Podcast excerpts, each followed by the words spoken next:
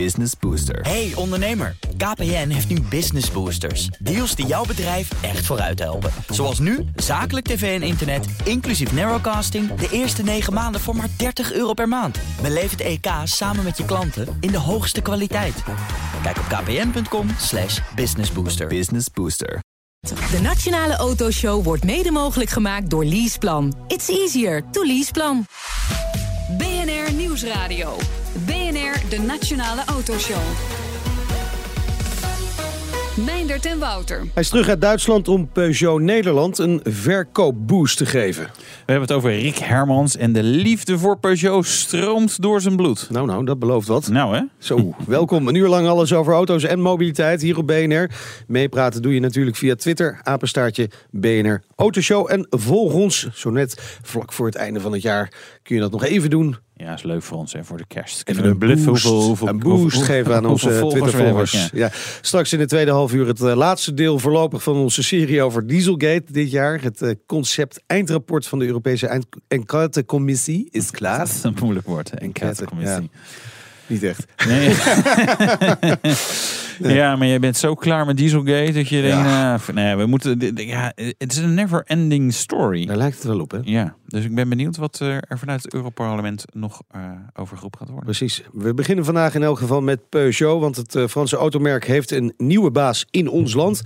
Te gast is eh, Rick Hermans. Hij is de nieuwe managing director bij Peugeot Nederland. Welkom, leuk dat je er bent. We hebben afgesproken te tutoyeren, dus dat zullen we dan ook doen. Ja, dankjewel. Hartelijk dank voor de uitnodiging. Graag gedaan. Eh, liefde voor eh, Peugeot, Wouter zei het al, hè? Het, eh, het zit in het bloed.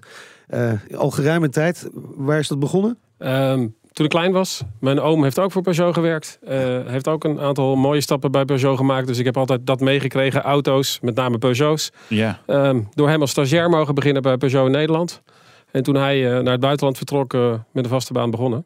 En dat is alweer 18 jaar geleden. was dit dan al zo'n oom waar je altijd naar uitkeek dat hij op eh, visite kwam? Want Ja. Dan had hij weer iets leuks bij Ja? Juist, Het nieuwste een mooie auto bij zich. zich. Kees Hermans gaat het hier om. Ja, Ja. inderdaad. Dus, ja, zo'n eh, oom had ik ook. Ja, Ja? nee, dat, nee dat, ja, die had altijd leuke auto's. Ja. Gek hè, dat de- die ooms daarvoor zorgen. Mijn oom heeft er een beetje voor gezorgd dat ik de liefde voor saap had. Ja.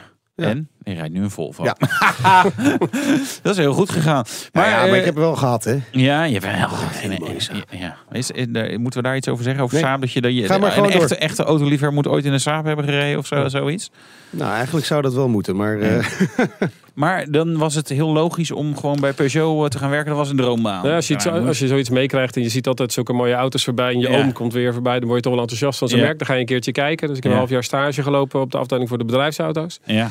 Eh, Ja. Dat viel heel erg goed. Toen was genezen. Nee. Nou ja, bijna. Nee, nee, nee. nee, dat- is de liefde die er dan extra bij komt. Eh, toen mocht ik de rij doen, twee keer. Nou, als je dat hebt meegemaakt, eerst als, ik zou maar zeggen, gewoon als medewerker, dan, eh, dan ben je al een beetje zeg maar, verknocht aan de auto's. Ja. En ehm, toen de kans kwam dat hij wegging en er een plekje was, toen eh, ja, ben ik er zo ingerold. Ja, bij ons heet dat dan een leeuwenhart, door het bloed, maar wel een leeuwenhart. ja.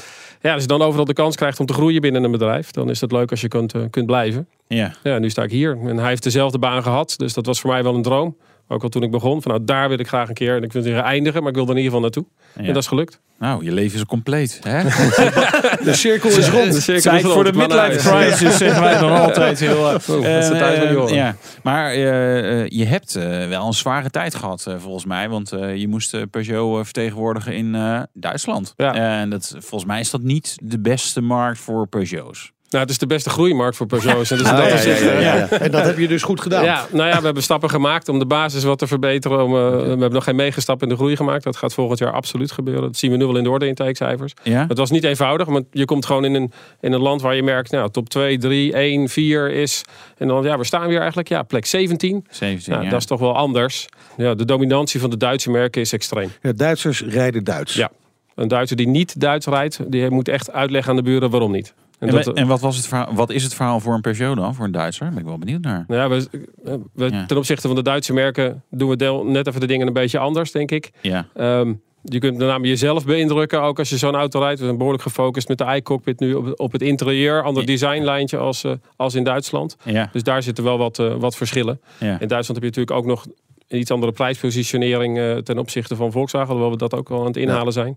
Maar we hebben mooie stappen gemaakt. Maar even om die markt neer te zetten. Ja. Eigenlijk wordt gewoon twee derde van de auto's die verkocht wordt in Duitsland is Duits. Duits. Ja. En dus een derde blijft over voor al die andere merken. Hoeveel zijn het er? Een stuk of 25? 25. Ja, dus 25. Die, die zit allemaal rond de 2, 3, 4 procent ja, marktendeel. ongelooflijk hè? Ja.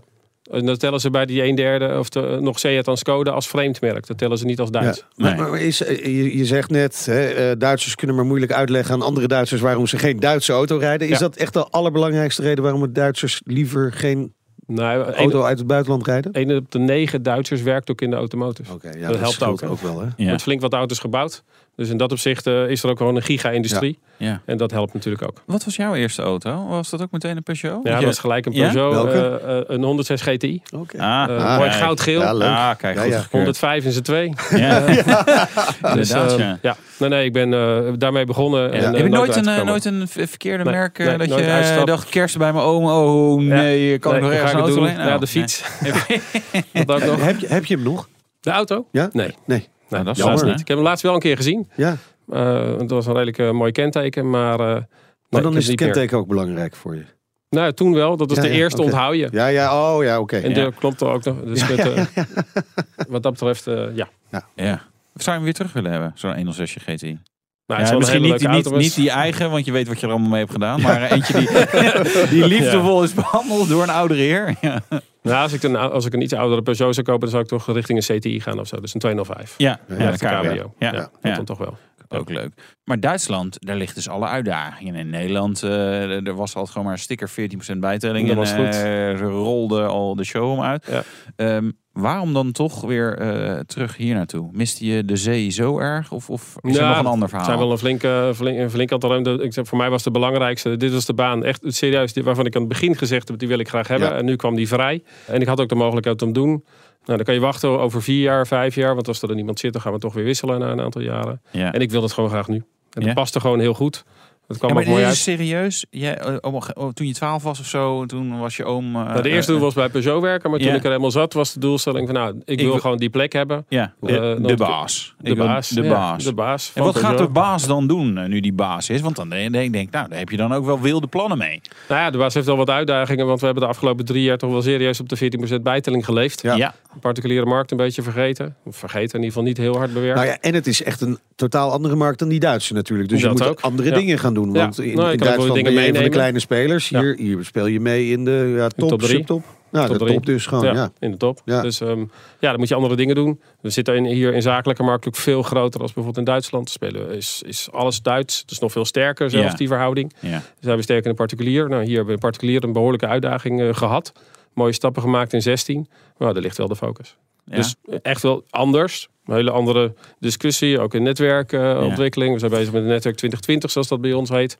Nou, dat zijn discussies die we in Duitsland nog wat minder voeren. Ja, maar het is toch- wordt er gewoon een dramatisch jaar volgend jaar voor iedereen en voor jullie ook. Want ja, je hebt alleen maar de zakelijke markt is zo, je wordt sowieso een beetje moeilijk. Nou, je Nou, kunt privé heb je voor, eh, hebben jullie een beetje ver, ver- verzaakt. Dus, eh, of, of wordt het toch nog wat Ik denk jaar? dat 17 voor ons een heel mooi jaar is. Ja? We moeten nog één weekje werken aan de afsluiting van 16. Ja, maar, ook nog. Ja, moeten we ook nog even doen. Ah, joh, gewoon een kentekens aanvragen en dan zijn ze registreren. ja. Zo gaat het toch met sommige Ja, ja. merken. Ja, dan kan. 31 december. Ja. Ja. ik zie hier een Ja. sleutel liggen van een merk die dat af en toe flikt, eh, weet ik. Maar ik denk goed, dat we het allemaal wel eens doen. Ja? Het hangt er een beetje vanaf welke positie je wil hebben natuurlijk. Ja. Nee, 17, ik of het een dramatisch jaar wordt. Het gaat veel meer om je product, om de emotie, om de auto heen. Value for money in plaats van 14% alleen. En dat maakt het juist wel weer spannend. Hoe gaat iedereen erop reageren? Want Iedereen heeft bijna dezelfde kansen. Dat Ja. zie je nu al. hè. Er zijn merken die een flinke stap maken dit jaar ten opzichte van twee jaar geleden. Ja, dat gaat voor ons natuurlijk ook de uitdaging worden. Maar ik denk dat met de auto's die we gaan krijgen, dat we toch wel behoorlijk goed voor staan. Ja? Krijgen Ja. jullie nieuwe auto's? Nieuwe Ik ben wel auto's. benieuwd. Wat? Wel. Ja, de auto die jullie vorige week ge- getest hebben, die zit voor ons nu nog alleen maar in de orde intake in de grote pijplijn. Ja. Die gaan we natuurlijk volgend jaar vol uit. Niet alleen registreren, maar ook verkopen. Ja, de Eerst, eerst 3008. verkopen, dan registreren. De 3008. 3008. Ja. Eh, in het einde van Q1 komt de nieuwe 5008 daarbij. Ja. Ja. dan is ons SUV-arsenaal eh, eh, echt wel mooi, eh, mooi Ja, vol. want de, de 5008 wordt ook echt veel meer SUV dan Ja, ja, het eh, busje wat je eerder had. het is geen MPV, het is een echte zevenzitter SUV. Waar je ook met familie in kan zitten. Ja, ja. Ehm, dus ehm, hetzelfde platform als nieuwe 3008, maar echt wel een ja, wat echte dikke auto, zou ik maar zeggen. Een zevenzitter die je niet alleen maar koopt omdat je zoon op voetbal zit, maar ook omdat je hem graag wil hebben. Ja. Dus ja, daar zijn wij enthousiast over, uiteraard, bij Ja, onszelf. als je zelf niet enthousiast bent, Nee, dan houdt het ook niet. Ik zal het zo flauw kunnen zijn hier. Eh, maar maar je, en, en, durf je dan een voorspelling te doen qua uh, marktaandeel? Ik heb eens een beetje gekeken naar de historie. Uh, 2003 was een heel mooi jaar, maar dat is een soort piek, geloof ik 12, 13 procent. Ja, ja, maar 8 procent, dat is een beetje Peugeot-territory, toch? Ja, iets beter zou het toch wel mooi zijn. Ja? Dus ruim over de achter gaan we voor, voor volgend jaar. In ieder geval op de geel kenteken. Waar heeft je oom op gezeten? Weet je dat? Op welk marktaandeel? Ja. Wanneer, wanneer was die? Uh, ja, zo, uh, zo, uh, zoveel, 96 was dat. Ja, dan 96. Ja, ja. van, nee, ja, nou, dat, volgens mij staat het toen lager. Iets op de 70 volgens mij. Nou ja, dan moet je in ieder geval verslaan We natuurlijk. hebben er in ieder geval Dat een keer boven gezeten, want met de ruime 11 een paar jaar geleden was alles, was alles was het record. Zometeen de verkoop van nieuwe auto's in ons land valt tot nu toe dik tegen. Ja, hoe doet Peugeot het natuurlijk? En we doen de pijlstok. Ja, vroom, vroom. vroom. BNR Nieuwsradio. BNR, de Nationale Autoshow. Tijd weer voor het nieuwsoverzicht van deze week, Wouter. En uh, de autoriteit Consument en Markt start een onderzoek naar Dieselgate. Heel proactief van ze, hè? Nou, Lekker dat ze... goed op tijd ook. Nee, ja, het is een beetje een raar uh, verhaal. Kijk, natuurlijk, hè, consumenten zijn natuurlijk ook uh, hebben iets anders potentieel gekocht dan, uh, dan in de folder stond. Aan de andere kant denk ik, ja, volgens mij interesseert consumenten dit over het algemeen eigenlijk niet. Het is wel zo, boete van maximaal 450.000 euro per overtreding. Dan ben ik wel benieuwd. Is dat dan per auto of Nee, per, overtreding, per model. Maar ja, heb je dan, uh, is de Golf uh, iets anders dan de Golf variant. En uh, is de Golf variant met, ja, ja, met weer, ja, een andere okay. motor, is dat dan weer een nieuwe overtreding, noem maar op. Dan kan het heel erg oplopen. Maar ik, ja, ik, weet, ik verwacht niet zo heel veel van dit soort onderzoeken. Ja, dan gezegd. over een echte consumentenauto, de Lamborghini. Ja, heeft, cons consumentadvies. Ja. Als je Aventador wil gaan kopen, wacht even. Hè, het nieuwe model. Eh, Aventador SLP 740. 740, dan weet je. Hoeveel pk's die heeft? Nou, 740. Nee, je meent het. Ja, je meent het. Nou. Ja, dat is maar 10 pk minder dan de Super Veloce. Dat was Oké. tot nu toe de snelste. Ja, weet je, de, hij, hij ziet er ietsje anders uit. Bumpjes wat anders, nieuwe kleurtjes. Eh, nog steeds heel snel. Hè? Ja. 350 km per uur. 2,9 seconden van 0 tot 100. Zo, je hebt je Ja, feitjes heb ik eh, gewoon paraat, jongen. Bam. Wat goed. Hey, als het aan de BOVAG ligt, dan eh, gaat het eh, bijtellingssysteem weer op de schop. Ze willen Ja. dat de bijtelling voor leaseauto's per kilometer wordt berekend. Een soort, soort rekeningrijden. Ja, een Dus- soort kilometerheffing. Ja, nou ja, weet je, op zich het is natuurlijk eigenlijk het enige goede model. Eh, behalve, nou ja, weet je, je wilt het, eh, het voordeel belasten wat mensen eraan hebben. En eh, ja, als jij gewoon iedere week duizend kilometer wegtekt in je leaseauto. En bij mij staat hij voor de deur en ik ga alleen maar even boodschappen mee doen. Ja, dan heb jij er meer voordeel Ja. aan. Ja. Zo'n systeem hebben we overigens al een keer gehad. Hè? Dan had je Ja. staffels in de bijtelling. Is misschien wat logischer. Ah, ja, het grote probleem is denk ik dat de, de grote groep zit in die middengroep weer. Hè? Waar eigenlijk gewoon niet zo heel veel gaat gebeuren. Nee. Dus die gaan niet heel veel minder betalen. Want uiteindelijk moet er gewoon net zoveel, minstens net zoveel de schatkist in eh, druppelen. Yep. Dus die gaan gewoon niet minder betalen. Nee. Alleen degenen die heel veel rijden, die gaan meer betalen. En de mensen die heel weinig gaan rijden, gaan minder betalen. Zeg ik het zo goed? Ja, je zegt het goed, ja. En eh, die groep heb je al. Dat zijn de mensen die tot 500 kilometer rijden. Ja, dat, Per maar jaar. Dat, ja, dat is dan wel weer heel weinig natuurlijk. Ja, je dat rijdt al snel waar. meer dan 500 kilometer. Dat Dat, is is waar. 10 kilometer per week. Dan kan je, nou, dan kan je eh, nog net die boodschappen meedoen, één keer per week. Aan de ene kant is dit wel een, een, een goed verhaal. Eh, aan de andere kant, ja, er komt zo'n administratie bij. En dit is echt fraudegevoelig. We hadden, we hadden toen, Ja, ja. volgens mij in 2001 had je ook een gestaffelde bijtelling. Nou, weet je, dan had ik ook collega's die dat deden. En dan weet je, dan, ja, weet je, kon gewoon zo makkelijk je, je administratie kloppend maken. En weer een paar honderd kilometer daar erbij en zo. eh. Het is niet het eigen ervaring hoor. Zoals je nee, nee, nee, eh, nee, nee, nee, Nee, maar dat, dat, dat is fraudegevoelig. En dan moet je overal kastjes in en denk nou, doe dan maar gewoon de hele... Lastig gedoe. Ja, ga dan voor de full monty gewoon op kilometer. Over Full Monty gesproken, Formule 1. Hè? Ja. Daar zijn we natuurlijk allemaal door begeisterd. eh, zeker afgelopen seizoen met Max Verstappen. Ja. Maar eh, Alfa Romeo keert misschien terug in de Formule 1. Ja, waarom niet hè? Sergio Marchionne, die heeft een grote plannen. Een soort satellietteam van Ferrari. Dus dan krijg je een beetje nou, wat de Red Bull en Toro Rosso eh, constructie. Ja. Maar goed, hij wil eerst eh, ja, de Giulia en de Stelvio eh, succesvol introduceren. Even wat auto's verkopen. In Nederland heeft ook nog wel een uitdaging. Nou, Schijnt niet nee. heel erg hard toch nog te lopen, hoorde ik van Alfa dealers in de landen.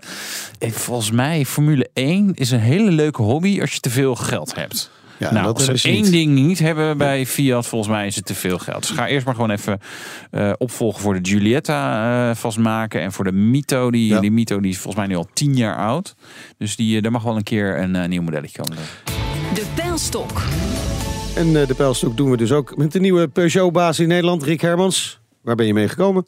Met een mooie 508 GT-lijn. Kijk, 1.6 automaat. Ach, kijk, heel eh, lekker voor in de file straks. terug. Inderdaad. Ehm, wat als geld geen enkele rol meer speelt? Eh, het, het mag niet uit eigen concern zijn uiteraard. Maar wat, wat Ja. zou je nog een keer willen hebben? Een eh, oude 911. Oude Dus een 911. 74 en 911. Oké. voetsvelgen. 74, ah, oké. Ja, ja, ja, die Van jou? hetzelfde bouwjaar. Ja, precies. Oh, dan, hebben, wij, hebben wij ook hetzelfde bouwjaar. Dan moeten- gaan we tegen elkaar opbieden.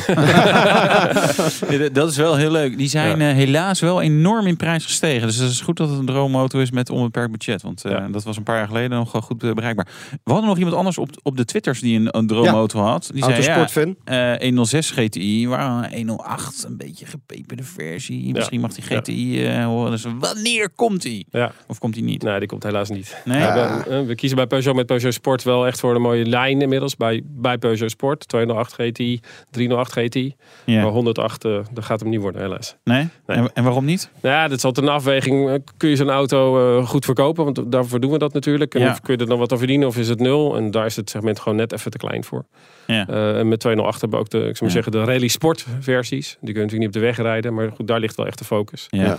Eh, als we kijken naar sporten waar we, waarom we Ja. op dit moment investeren. Ja. Dus er moeten meer huismoeders, want dit zijn men- mensen die in 108 rijden, mijn, eh, mijn hoofd natuurlijk. Er moeten meer huismoeders stimuleren dat ze dikke, Dat dikke auto's. dikke snelle versies, dan komt hij er wel. Overigens zien ze er wel. We hebben wel dikke versies qua uitkleding. Dus de GT-lijn op de 108, die zie je wel. Maar die is niet zo snel. Nee, een 1.2, 1.2, dat gaat op zich nog wel in zo'n auto. Ja. Ehm, dus de looks hebben we wel. Maar echt sportief, eh, nee, dan moet je echt bij een 208 zijn. En dat Ja. heeft allemaal te maken met het feit dat het dus gewoon niet verkoopt. Je kunt het... eh, Er zitten twee kanten aan. Ja, we doen het aan de ene kant om auto's te verkopen en geld te verdienen. Aan de andere kant hebben we Ja. natuurlijk ook met CO2 te maken. We willen een bepaald CO2-niveau met elkaar eh, be- bereiken. Nou, daar gaan we als merk gewoon goed. We zijn zelfs het best presterende merk in Europa. Nou, daar past een auto ook niet helemaal in. nee. Ehm, met de andere doen we dat wel. Maar goed, dat past net dan eh, in het totaalplaatje. Ja, en het verkopen van auto's is sowieso al een uitdaging in Nederland. Hè? En daar word jij natuurlijk wel op afgerekend Ja. bij eh, Peugeot. Ehm 25% minder nieuwe auto's eh, verkocht tot december. Ja, dat doet zeer.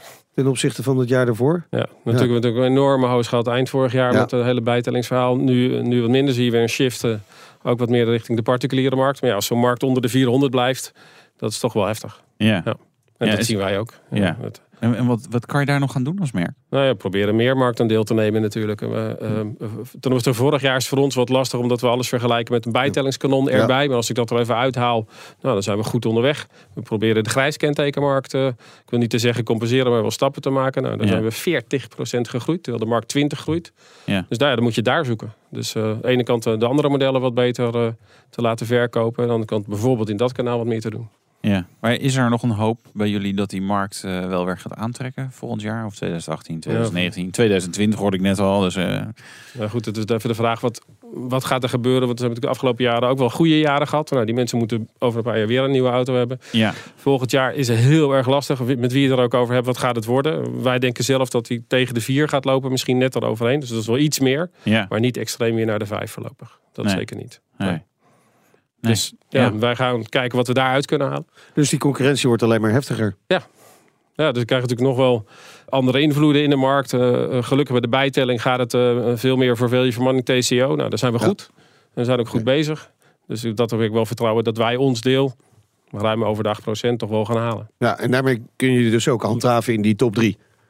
Dat denk ik wel. Ja, oké. We zitten er tegenaan nu. Ja, ja, eh, concurrentie wordt dus zwaarder. Eh, Hoe, hoe gaan jullie het verschil dan precies maken? Want ik kan me ook voorstellen dat dit heel goed nieuws is voor mensen die juist wel een auto willen kopen komend jaar. Die krijgen allemaal mooie aanbiedingen. Ja, nou, ik denk het wel. Kijk, eh, het ligt een beetje aan als je naar zakelijke markt kijkt. Dan gaan de mensen of de merken toch wel iets kijken naar...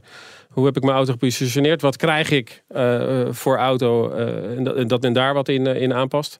Dat, eh, dat gaat zeker gebeuren. Als je naar particulier kijkt, ja, dan wordt het wel een harde gevecht. En dan is een beetje de vraag, waar ga je dat in doen? Eh, wij focussen bijvoorbeeld behoorlijk op private lease. Ja, dat geeft ons ook wat meer zekerheid voor de komende jaren. Dat de klant eh, alles bij ons doet. Als het gaat om afsales bijvoorbeeld. ja, maar daar geloven jullie dus Ja. ook echt in, Ja, in dat private absoluut. lease eh, Ja. model. We hebben het al een paar jaar, een paar jaar lopen als, als merk zijnde. We verkopen het ook online. Je kunt bij ons tot aan de volledige contract gewoon afsluiten. Is alleen bij de captive al iets van 15% van het volume wat we met de privéklant Ja. doen. En dat gaat gewoon eh, stijgen. Ja. En we zijn bij, de, bij een aantal grotere leasemaatschappijen ook een van de betere merken, presterende merken. Omdat we er gewoon op investeren. Ja, maar, maar gaat dat niet ten koste van eh, de, de gewone leasemarkt? Dat je steeds meer bedrijven ziet die eh, tegen medewerkers zeggen... nou, je krijgt een vergoeding en ze- ga het zelf maar regelen via private lease. Ja, ik denk het wel. Kijk, er zijn veel meer bedrijven die kiezen voor dat budget. Zodat de, ja, de werknemer zelf kan kiezen wat er gaat gebeuren. Het is nog niet heel erg groot op dit moment. Tenminste, Nee. dat is de feedback die ik gekregen heb. Maar we zien het wel steeds meer gebeuren. Nou ja, dat is voor, voor een merk als je het product hebt. En een goede prijsstelling. Nou ja, dat is gewoon een kans. Maar die goede prijsstelling is, is gewoon marge inleveren. Of wat, Nou, wat, hoeft wat niet- kan je daar nog meer niet altijd. Dan? Hoeft Natuurlijk niet het- altijd. Maar Nee, wel dat hoeft niet uit. Nou ja, maar het is een stukje natuurlijk wel. Maar aan de andere kant is het een investering. Kijk, als iemand een private lease rijdt, Ja. dan zegt hij, nou, de komende 48 maanden mag je alles regelen. Dat betekent dat hij gegarandeerd bij jou langskomt. Ja, ja. Alle Ja. 48 maanden. Ja, maar je Nou, bent dat mag klant. wat kosten. Je bent, maar je bent klant bij jezelf. Want jullie, het onderhoud zit er ook vaak toch in? Ja, maar dat is dan wat ik mooi aan mijn eigen dealers kan aanbieden. Ja, dan, daarom. dat is wel de- zeker. nee, maar dat, Daar is dat dan wel voor betaald. dat- Ja, Ja. ja. nee, maar, dat kan een sigaar uit eigen doos zijn, toch? Als je zegt van nou, ik zet het de private lease tarief super strak. Ja. Want ja, ik heb eh, omzet van onderhoud. Ja, maar dat onderhoud, dat, dat zat uit die, uit die strakke lease, ja, leaseprijs. maar ik, weet- ik, ik heb hem nu 100% bij mezelf. En Ja. Dat was daarvoor niet zeker. Nee? En dat mag best wat kosten. Daar willen wij als, als merk, maar ook onze dealerorganisatie best wel op investeren. Dat we vanaf dag één dat we de auto verkopen weten. De komende periode is die altijd bij ons. Ja, dat is waar. Maar ik bedoel, de normale privé eh, rijdende klant die is dan een jaar of twee normaal gesproken. Hè? Fabrieksgarantie, dan zijn ze altijd wel bij de dealer. Net in het jaar drie gelukkig ook nog, maar in jaar vier wordt het al wat Ja, lastiger. jaar vier Ja, ja. zegt eh Ja, ja, dan gaat het al lastiger. Ja. Oké. Dus voor ons is dat een uitdaging om die klant te behouden. Ja, Nou, als we het met zo'n product gelijk vanaf de dag één kunnen doen, ja. ja. dan is dat voor ons wel interessant. Ja. Er komen ook nog een beetje interessante private lease auto's. Want als ik altijd kijk, dan is de, bij klein. Peugeot, ja, weet je, een 108 of een 208 met, eh met een brommermotortje. Maar komt er niet gewoon een, een private lease actie voor mij en ik? eh, ja, 308 GTI. Oké. Nee, nee, maar... Ja, ja. ik- Nou, je kan bij ons alles krijgen. Eh, Als jij een 308 bij mij in de private lease wil hebben, dan ga je naar Peugeot.nl en dan kan je die gewoon configureren en kopen. Oké. Dat wel grappig Nee, is ik zien. kopen wil ik niet. Nee, nee, kan je leasen. Ja, ja. Maar je moet wel even ondertekenen. Ehm, bij de nieuwe 3008 zien we nu wat er gebeurt. En daar zien we dus ook een beweging dat meer private lease gekocht wordt. En dat is een, in verhouding ten opzichte van de normale 208 best een, ja, een, een prijzige auto. Eh, eh, en toch gaat men dat doen. Maar dan heb je het over private lease die 600, 700 euro komen. Kosten. En Maar- dat doet men toch. Dus Ja. je ziet wel die beweging komen. En wij bieden gewoon bijna alle modellen aan in private lease. Oké. En ik denk dat daar de, de grootste groeikant zit. Bijna alle modellen, dus Ja. niet alles. Nee, de grijs kenteken is niet zo interessant. Nee, oké. oké, oké. Ja. Maar alle andere wel. Ja, nee, ik dacht bijvoorbeeld aan de, de 508, die ook wel eens misschien aan eh, wat vernieuwing. Je bent zelf met de 508 gekomen. Ja. Eh, tijd voor een nieuwe, toch? Ja, nou ja, ja zou, je, zou je soms wel zeggen, maar we hebben wel een la- bepaalde levenscyclus. Ja, ja, ja. Ehm, hoe, hoe lang is die? eh, bij ons zit hij rond de 6, 7 jaar Ja, gemiddeld. ja, ja, ja. Nou, we zijn nog niet helemaal daar. Nee. Dus eh, wat dat betreft eh, moeten we nog heel even wachten. Ik vermoed nog eens een jaar of twee voordat we echt met een nieuwe, een nieuwe auto in het segment komen. Ja. Wa- wa- Waar zit het meeste volume bij jullie? Is dat echt, eh, dat, meestal is dat de kleintjes, hè? Is dat, is dat bij jullie ook de 108? Nee, nou, 108 is wel goed geweest de afgelopen jaren. Inmiddels zitten we meer 208, 2008. En als we naar volgend jaar kijken, dan gaan we meer dan een derde van het volume in de SUV's doen. Dus Ja? 2008, 3008, 5008.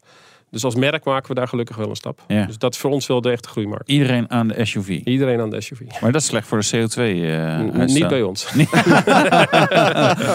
Ja. Hey, en, eh, al- als we dan even wat verder kijken, hè, want dit is eh, naar volgend jaar kijken. Maar als je eh, vijf jaar verder kijkt, Ja. dan ben je al even een tijdje bezig. Lekker. Waar, waar staat Peugeot dan? Nou, ik denk dat we echt wel een stevige positie in de top 3 hebben. Ja. Met een beetje geluk Ja. gewoon vast op 2.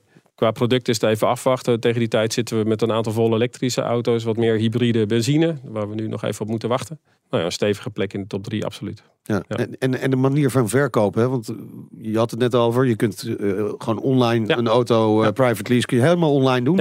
Helemaal geen probleem. Je hoeft hem Nee. alleen maar daarna op te halen, denk ik. Of wordt die ook nog thuisgebracht? De, in theorie Met een drone. Er zijn, er zijn dealers die dat kunnen doen. Oké. Eh, maar het meeste komen het gelukkig toch wel bij de dealer ophalen. Ja, ja. Omdat nou ja, het behoeft toch wel wat uitleg zo'n ja, auto. precies. wil overigens niet zeggen dat iedereen die online koopt nooit bij de dealer komt. Nee. En Nee. wij doen Maar bijvoorbeeld dat de moet je private zeggen lease. omdat, eh, omdat de Nee, dealers nee, nee, hebben we onderzocht. overigens.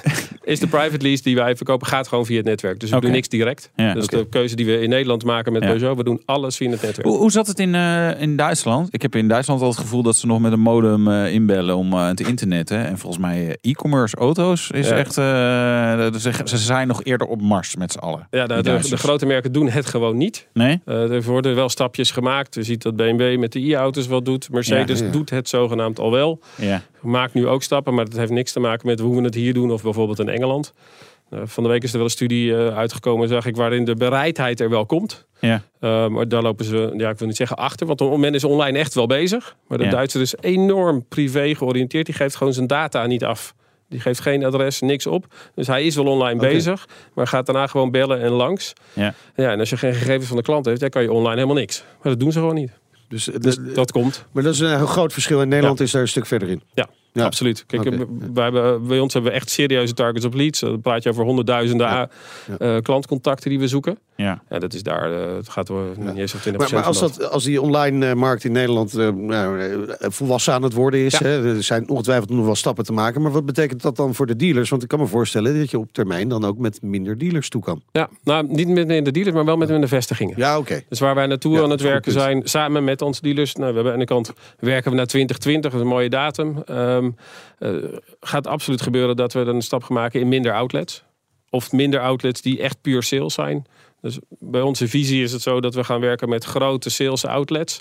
En daarnaast uh, service en gebruikte auto. Uh, Ja, want jullie hebben nu, nu 45 eh, contractpartners. contractpartners, 150 outlets, Vestigingen. Ja. vestigingen. Ja. Hoeveel moeten dat er worden dan? Dat is een beetje de vraag over welke termijn je, je hebt. Nou ja, 2020, ja, die visie. 2020, maar dan zal het zeker nog wel eh, net onder de 100 zijn misschien. Oké. Het hangt daar ook een beetje van hoe gaat, het, hoe gaat hard dus. het in de markt. Ja. Ja. Eh, eh, of dat 2020 is, want aan de ene kant kun je dat zelf doen. Maar Ja. je moet ook eh, oppassen dat de, als de collega's overal lekker blijven zitten, ja, dan mis je gewoon kansen. Maar we zien absoluut eh, eh, de beweging dat een klant A bereid is verder te rijden. Maar dat het ook gewoon niet meer mogelijk is om zo'n investering op orde te houden. Tot zover het eerste deel van de Nationale Autoshow voor vandaag. Dank voor je komst naar de studio. Rick Hermans, Managing Director Peugeot Nederland. Heel veel succes de komende Dankjewel. jaren. En zometeen Dieselgate. Ja, de de- climax. Met het concept eindrapport. Ja, ja. Hè? Dus Ja. daar kunnen we nog eens strepen als we willen. Eh, van de Europese Onderzoekscommissie. En Wouter, jij reed met de Mercedes-Benz E-klasse Estete. Nou, Wauw. De Nationale Autoshow wordt mede mogelijk gemaakt door Leaseplan. It's easier to Leaseplan. BNR Nieuwsradio. BNR, de Nationale Autoshow. Meindert en Wouter. Het eh, concept eindrapport over Dieselgate is klaar. Maar er is in Europa nog heel veel werk te verrichten. en een van de schrijvers van het eindrapport is hier om dat uit te leggen. En straks rijden we in de Mercedes eh, E-klasse Estate. En eh, Wouter die was niet helemaal happy. Het duurt allemaal zo lang en het voelt gewoon niet gretig. Oh, Oeh. oei, oei, oei, oei. Oei, oei, Maak je oei. borst maar nat. Ja, dat, Heb je... was een E200. dat is fout gegaan met de boeking, Dat is denk niet ik. helemaal goed. Dat nou geregeld. Oh, Oké, Ai, nou, nou, hij komt gelijk een glaasje water brengen. Ja, Heb je een eh, vraag of wil je met ons meepraten? Kan via Twitter, apenstaartje BNR Autoshow. We gaan het over Dieselgate hebben. Het eh, kan je niet ontgaan zijn. We hebben het onderwerp de afgelopen weken meermaals behandeld. En dat eh, komt nu tot een, eh, een soort eh, tussenclimax. Deze week verscheen namelijk het concept eindrapport van een Europese onderzoekscommissie. En te gast is Gerber-Jan Gerbrandi, Europarlementariër voor D66, lid van de enquêtecommissie naar Dieselgate.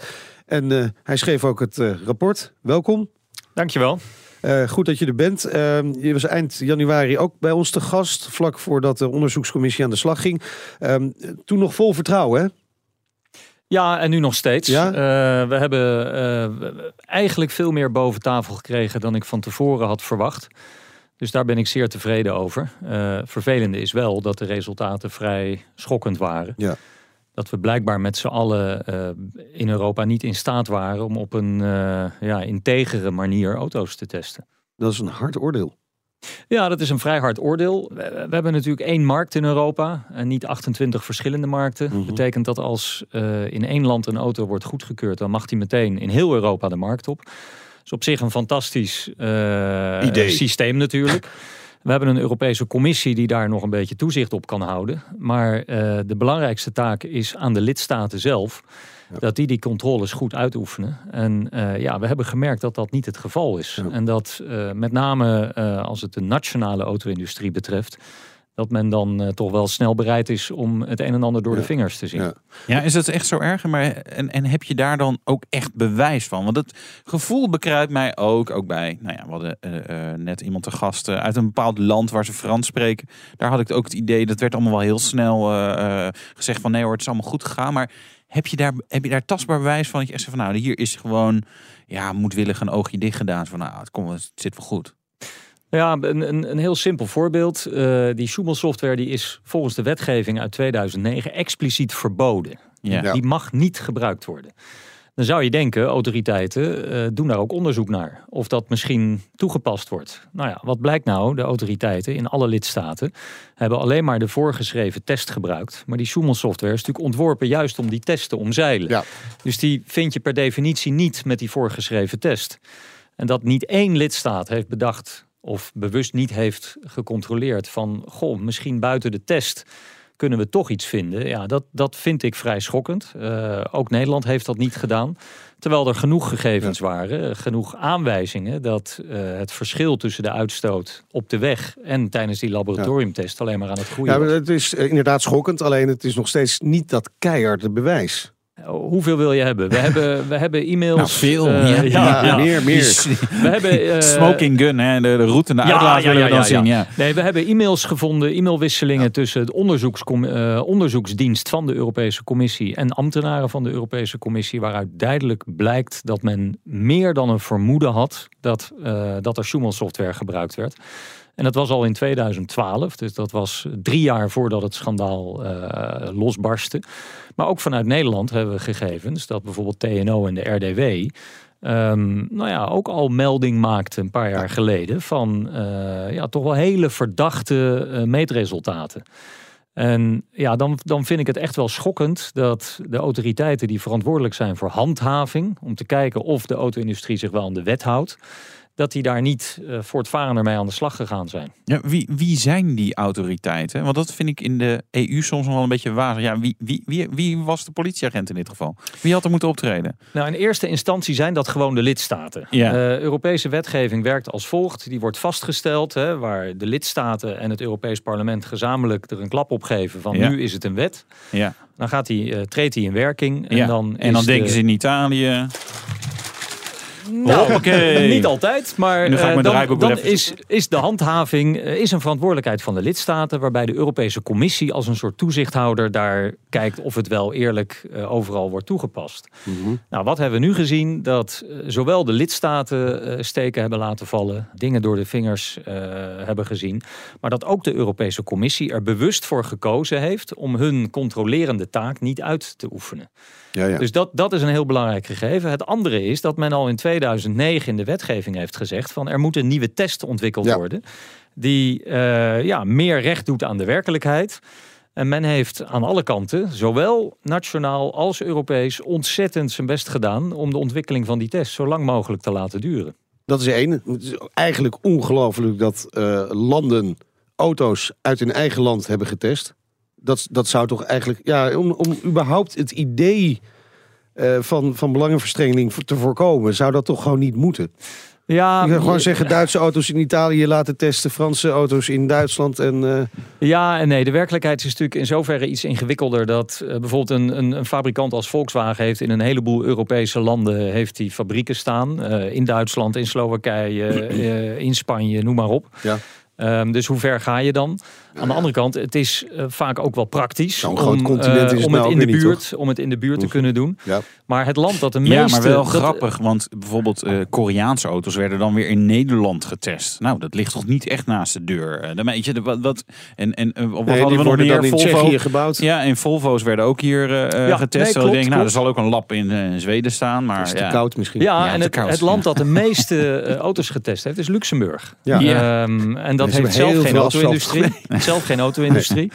Maar zit wel in een, in een driehoek eh, België, Frankrijk, Ja. Duitsland, waar veel auto-industrie zit. Ja. En ja, zij beweren zelf, wij waren, eh, hè, wij kunnen in meerdere talen werken. Wij waren heel efficiënt, heel effectief. Wij Ja. waren snel. Ja. Zijn Maar- gewoon, ah, we hebben gewoon alles goedgekeurd. Ja, dat is heel Ehm, efficiënt. het, het werd natuurlijk voor, de, voor het Luxemburgse agentschap wat dit deed, werd het ook een businessmodel. Want er werd natuurlijk door Ja. een klein clubje mensen werd daar behoorlijk geld verdiend door Ja. eh, auto's te testen. En je moet natuurlijk ontzettend oppassen, en dat hebben we ook, ook blootgelegd, dat er geen financiële banden eh, bestaan. Dus wij willen ook, dat is een van onze aanbevelingen. Er zijn ook dit soort testinstanties die ook nog eens een keer als consultants optreden richting Oh ja. de auto-industrie. Nou ja, dat, dat mag natuurlijk absoluut niet. Want dan zitten er een fi- financiële belangen tussen de eh, Maar testcentra en de auto even voor mijn eh, eh, begrip en ook voor de luisteraars, eh, alhoewel die misschien wel weten. Als ik een, als fabrikant een auto wil testen, betaalt Volkswagen dan het lab voor de test van de Golf? Of komt dit uit een potje van de EU? Want anders is Volkswagen automatisch klant. Ja. En dan zeg je nou, ik, Ja. ik weet wel wat het eindresultaat moet zijn, zeg je dan. Nee, nou ja, kijk. weet je- 85 gram, want dat is Dit in zijn Nederland onze gunstig. verwachtingen. Ja. Nee, die, die, die testen die worden nog wel redelijk secuur gedaan. Ook door, eh, door instanties die, die ook vaak wel neutraal zijn. ja. Ehm, maar het, Vaak, grootste, maar niet het altijd grootste, probleem, het grootste probleem is, het is een test die duurt dus. 20 minuten. Die is tot op de seconde is die gedefinieerd. Ja.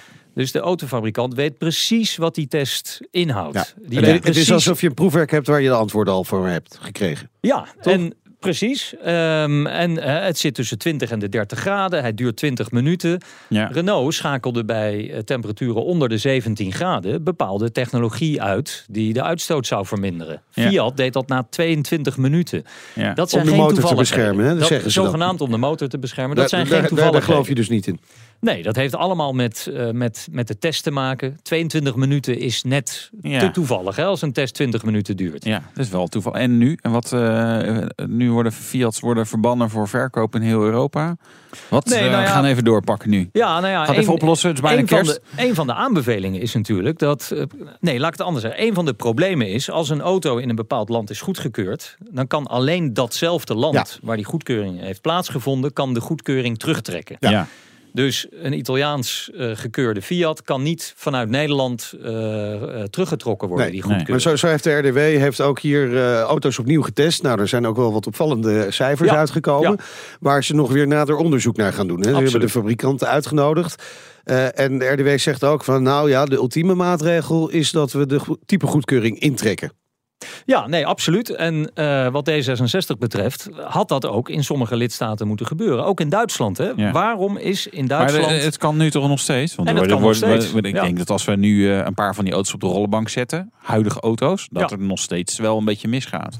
Maar, en, en, en dat is ook de reden waarom eh, ik heel erg blij ben dat de Europese Commissie nu wel wat daad- daadkrachtiger lijkt te zijn. Twee weken geleden eh, zijn er eh ingebrekenstellingen, zoals dat dan juridisch heet, naar de lidstaten gestuurd. Ook omdat ze zelfs na het uitbreken van het schandaal nog steeds niet echt actie ondernemen. Nee. Terugroepacties zijn tot op heden allemaal vrijwillig. Waarom wordt dat niet verplicht? Waarom wordt niet geschermd met de mogelijkheid om de typegoedkeuring terug te trekken als niet binnen een bepaalde periode Ja. die auto's opnieuw eh, eh, ja, geüpdate worden? En als dat niet kan, hè, sommige auto's kan je niet met een software-update aan de wetten laten voldoen, dan vind ik op zijn minst dat er een bepaalde compensatie ook naar Ja. de, de eigenaren van die auto's. En eh, dit staat ook echt allemaal in dat concept eindrapport? Deze aanbevelingen? Eh, die compensatie enigszins omvloerst. Eh, maar, dat, politiek, hè? maar dat, nou ja, ik, ehm, ik was co-rapporteur samen Ja, ja, met ja. een christendemocraat uit Ja. Duitsland. Oh ja, daar eh, ga je al. eh, de Duitse wel met zijn zwarte christendemocraten. stift. die Dit zijn- doen we dus niet. Nou ja, een Nee, beetje wel. nee, een dat beetje mag wel. hem weer niet zo. En die zijn natuurlijk ontzettend bang dat, eh, dat na de, de, de miljardenclaims in Amerika eh, er ook miljardenclaims in Europa ontstaan. Eh, maar ik, ik vind het politiek als D66 wel van belang dat iemand die iets koopt, die moet er eh, op vanaf eh, eh, op aankunnen dat, dat dat ook klopt met eh, wat de fabrikant heeft beloofd. En dat is natuurlijk gewoon niet het geval. Zometeen, hoe zit het met de juridische strijd tegen Volkswagen? Moet het concern ook compenseren in Europa? Wat ze in ieder geval nog niet van plan zijn. En we gaan rijden de Mercedes-Benz Estate, de E-klasse. BNR Nieuwsradio. BNR, de Nationale Autoshow. We gaan De rijimpressie. rijden. De station variant van de E-klasse staat bij de Mercedes dealers. En niemand minder dan onze eigen Wouter Karsen, die ging een eindje rijden. rust en comfort, daar is deze auto echt briljant in. Maar gelukkig is er ook genoeg te zeiken. Ik heb deze testauto namelijk niet zelf ingeboekt, maar onze lieve redacteur Nout heeft dat gedaan. En normaal gesproken vraag ik dan, als ik dat zelf even voor bel, zeg ik, joh, eh, heb je nog een beetje een dikke versie staan? Ik heb namelijk een behoorlijk hekel aan instappers. Dat is het gewoon meestal net niet. Maar in dit geval belde nou dus met Mercedes goh, weer de E-klasse Estate. Misschien moet er dan even in rijden, kijken hoeveel bagage daarin kan en zo. En nou, hoe alle assistentiesystemen werken, nou, noem het allemaal op, et cetera, et cetera. En dus kreeg ik mee een E200 Estate. De instapper dus. En op papier briljante auto. Want een gecombineerd verbruik van 6,2 liter op 100 kilometer. Dus dat is nou ja, bijna 1 op 17. En sprint naar de 100, ook niet onbelangrijk, 8,1 seconden. Topsnelheid 231 km per uur. Want het is een viercilindertje in lijn, maar wel 2 liter groot. Turbo, 184 pk en 300 Nm koppel. Al vanaf 1200 toeren tot 4000 toeren. Maar hoe kan ik dit het beste omschrijven? Nou, jullie hebben allemaal misschien wel eens een milkshake gehaald. En je weet wat er met een milkshake aan de hand kan zijn. Dat die net even te dik en te koud is. En op het moment dat je dan zuigt aan het rietje... dan duurt het even voordat het komt. En dat is gewoon niet zo'n lekkere ervaring. Nou, dit motorblok in deze auto voelt zo. Alsof je een te dikke milkshake door dat rietje probeert te zuigen. Zo. En dat is gewoon geen fijn gevoel. En als je vol gas geeft, ik ga het nu even doen. Terugschakelen. En is het inderdaad best een rap jongen. Maar het duurt allemaal zo lang en het voelt gewoon niet gretig. Dat is het beste woord. Het is gewoon niet gretig. En dat is jammer, want qua prestaties ja, voldoet het eigenlijk wel prima. En het is soort van knap dat Mercedes dat voor elkaar heeft gekregen. Maar aan de andere kant denk ik dan, maar ja, dit is Mercedes. Hè. Je hebt een Formule 1 auto gebouwd die Max Verstappen voor kan blijven. Dus ja, die engineers, die kunnen echt wel wat. En dus vandaar dat ze de E200 toch best oké prestaties hebben kunnen geven. En dat het tegelijkertijd echt zeg maar, zo traag voelt als zo'n ouderwetse dieseltaxi. Weet je wel, zo'n 200 diesel. Dan heb ik nog één ander puntje om te zeuren. Oh mijn god, OMG, staat er afgekomen voor. Wat is deze auto duur? Vanaf prijs, E-klasse, 55 mil ongeveer. En heb je volgens mij ook een diesel voor, de E220 diesel. Fijn blok trouwens, geheel nieuw motorblok, dat geheel terzijde. Maar eh, de testauto, ik zal een aantal dingen noemen die hij niet heeft. Hij heeft geen mooi panoramisch dakje, wat ik in de winter altijd wel mooi vind, dat je een beetje meer licht eh, in het interieur hebt. Toen ik de handgreep greep, bleef de auto dicht. Dus geen keyless entry. Hij heeft geen volledig elektrisch bedienbare stoelen. Hij heeft bijvoorbeeld ook geen stoelmassage, wat bij Mercedes kan. Geen stoelventilatie. En nou ja, zo heeft hij al een heleboel dingen meer niet. En dan toch kost deze auto bijna 77.000 euro. Zo. Wat heb jij een zware week gehad, heb een Wouter? nee, Oh, ja. Gelukkig Ja. komen de feestdagen eraan. Ja, heb ik tot rust een, komen. en nu heb ik een M3 sedan. Ah, Even, oké. weer, eh, een beetje onthaasten, maar dan het om, Ja. omgekeerde van onthaasten. Ja, en, en weet je wat jammer is? Het is wel een briljante auto, zo'n E-klasse, maar gewoon niet In als deze E200. Nee, alsjeblieft niet, weet je. Dat is, nee, het is gewoon geen, dat is gewoon niet lekker. Het is geen lekker motorblok. En het komt ook, dit is een 9 traps automaat. Dus dan tokkel je in de, in de negende versnelling en dan moet hij vijf versnellingen terugschakelen. Ja, ja, Als je ja. 80 rijdt, zo weet je dat. is- En dat gaat allemaal gewoon net te traag. Les eh, voor de importeurs. Ja. Altijd de dikste variant meegeven aan Wouter. En, eh, nou, je weet tenminste ook nu een beetje hoe mijn leven is, eh, Wouter. Is het zo erg? Nee, helemaal niet. Nee, nee, nee. BNR Nieuwsradio. BNR, de Nationale Autoshow. We praten verder met Gerben Jan Gerbrandi. Hij is eh, D66-Europarlementariër, lid van de enquêtecommissie naar Dieselgate. Hij schreef het eh, concept eindrapport, mede schreef hij dat eindrapport. Eh, tot nu toe, we gaan het even over Volkswagen hebben, want daar is het balletje allemaal mee gaan rollen. Tot nu toe heeft alleen Volkswagen gesjoemel met de dieselauto's toegegeven. Eh, eh, z- zitten er meer van dat soort zaken aan te komen?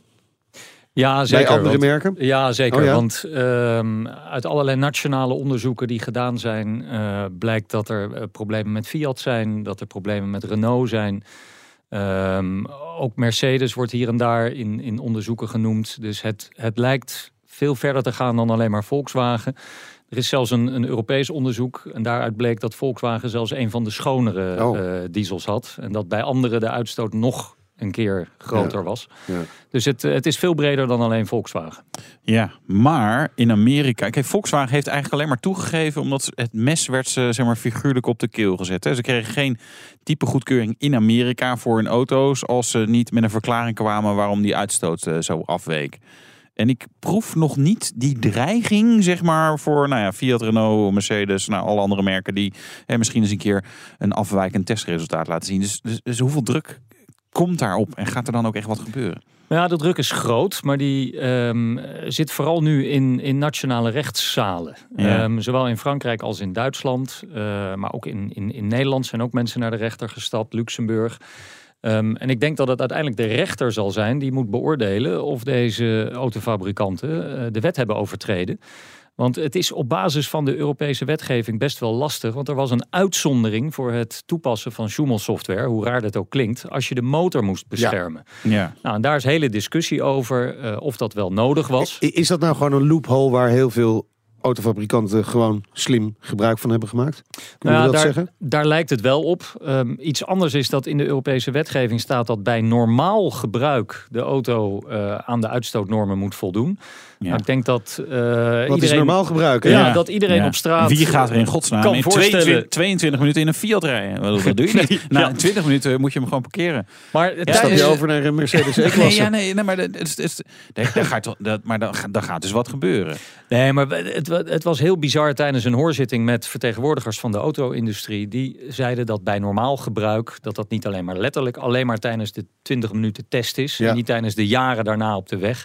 Maar dat het ook in de geest van de wet is. Nou, dat is het meest krankzinnige wat ik bij alle hoorzittingen heb gehoord.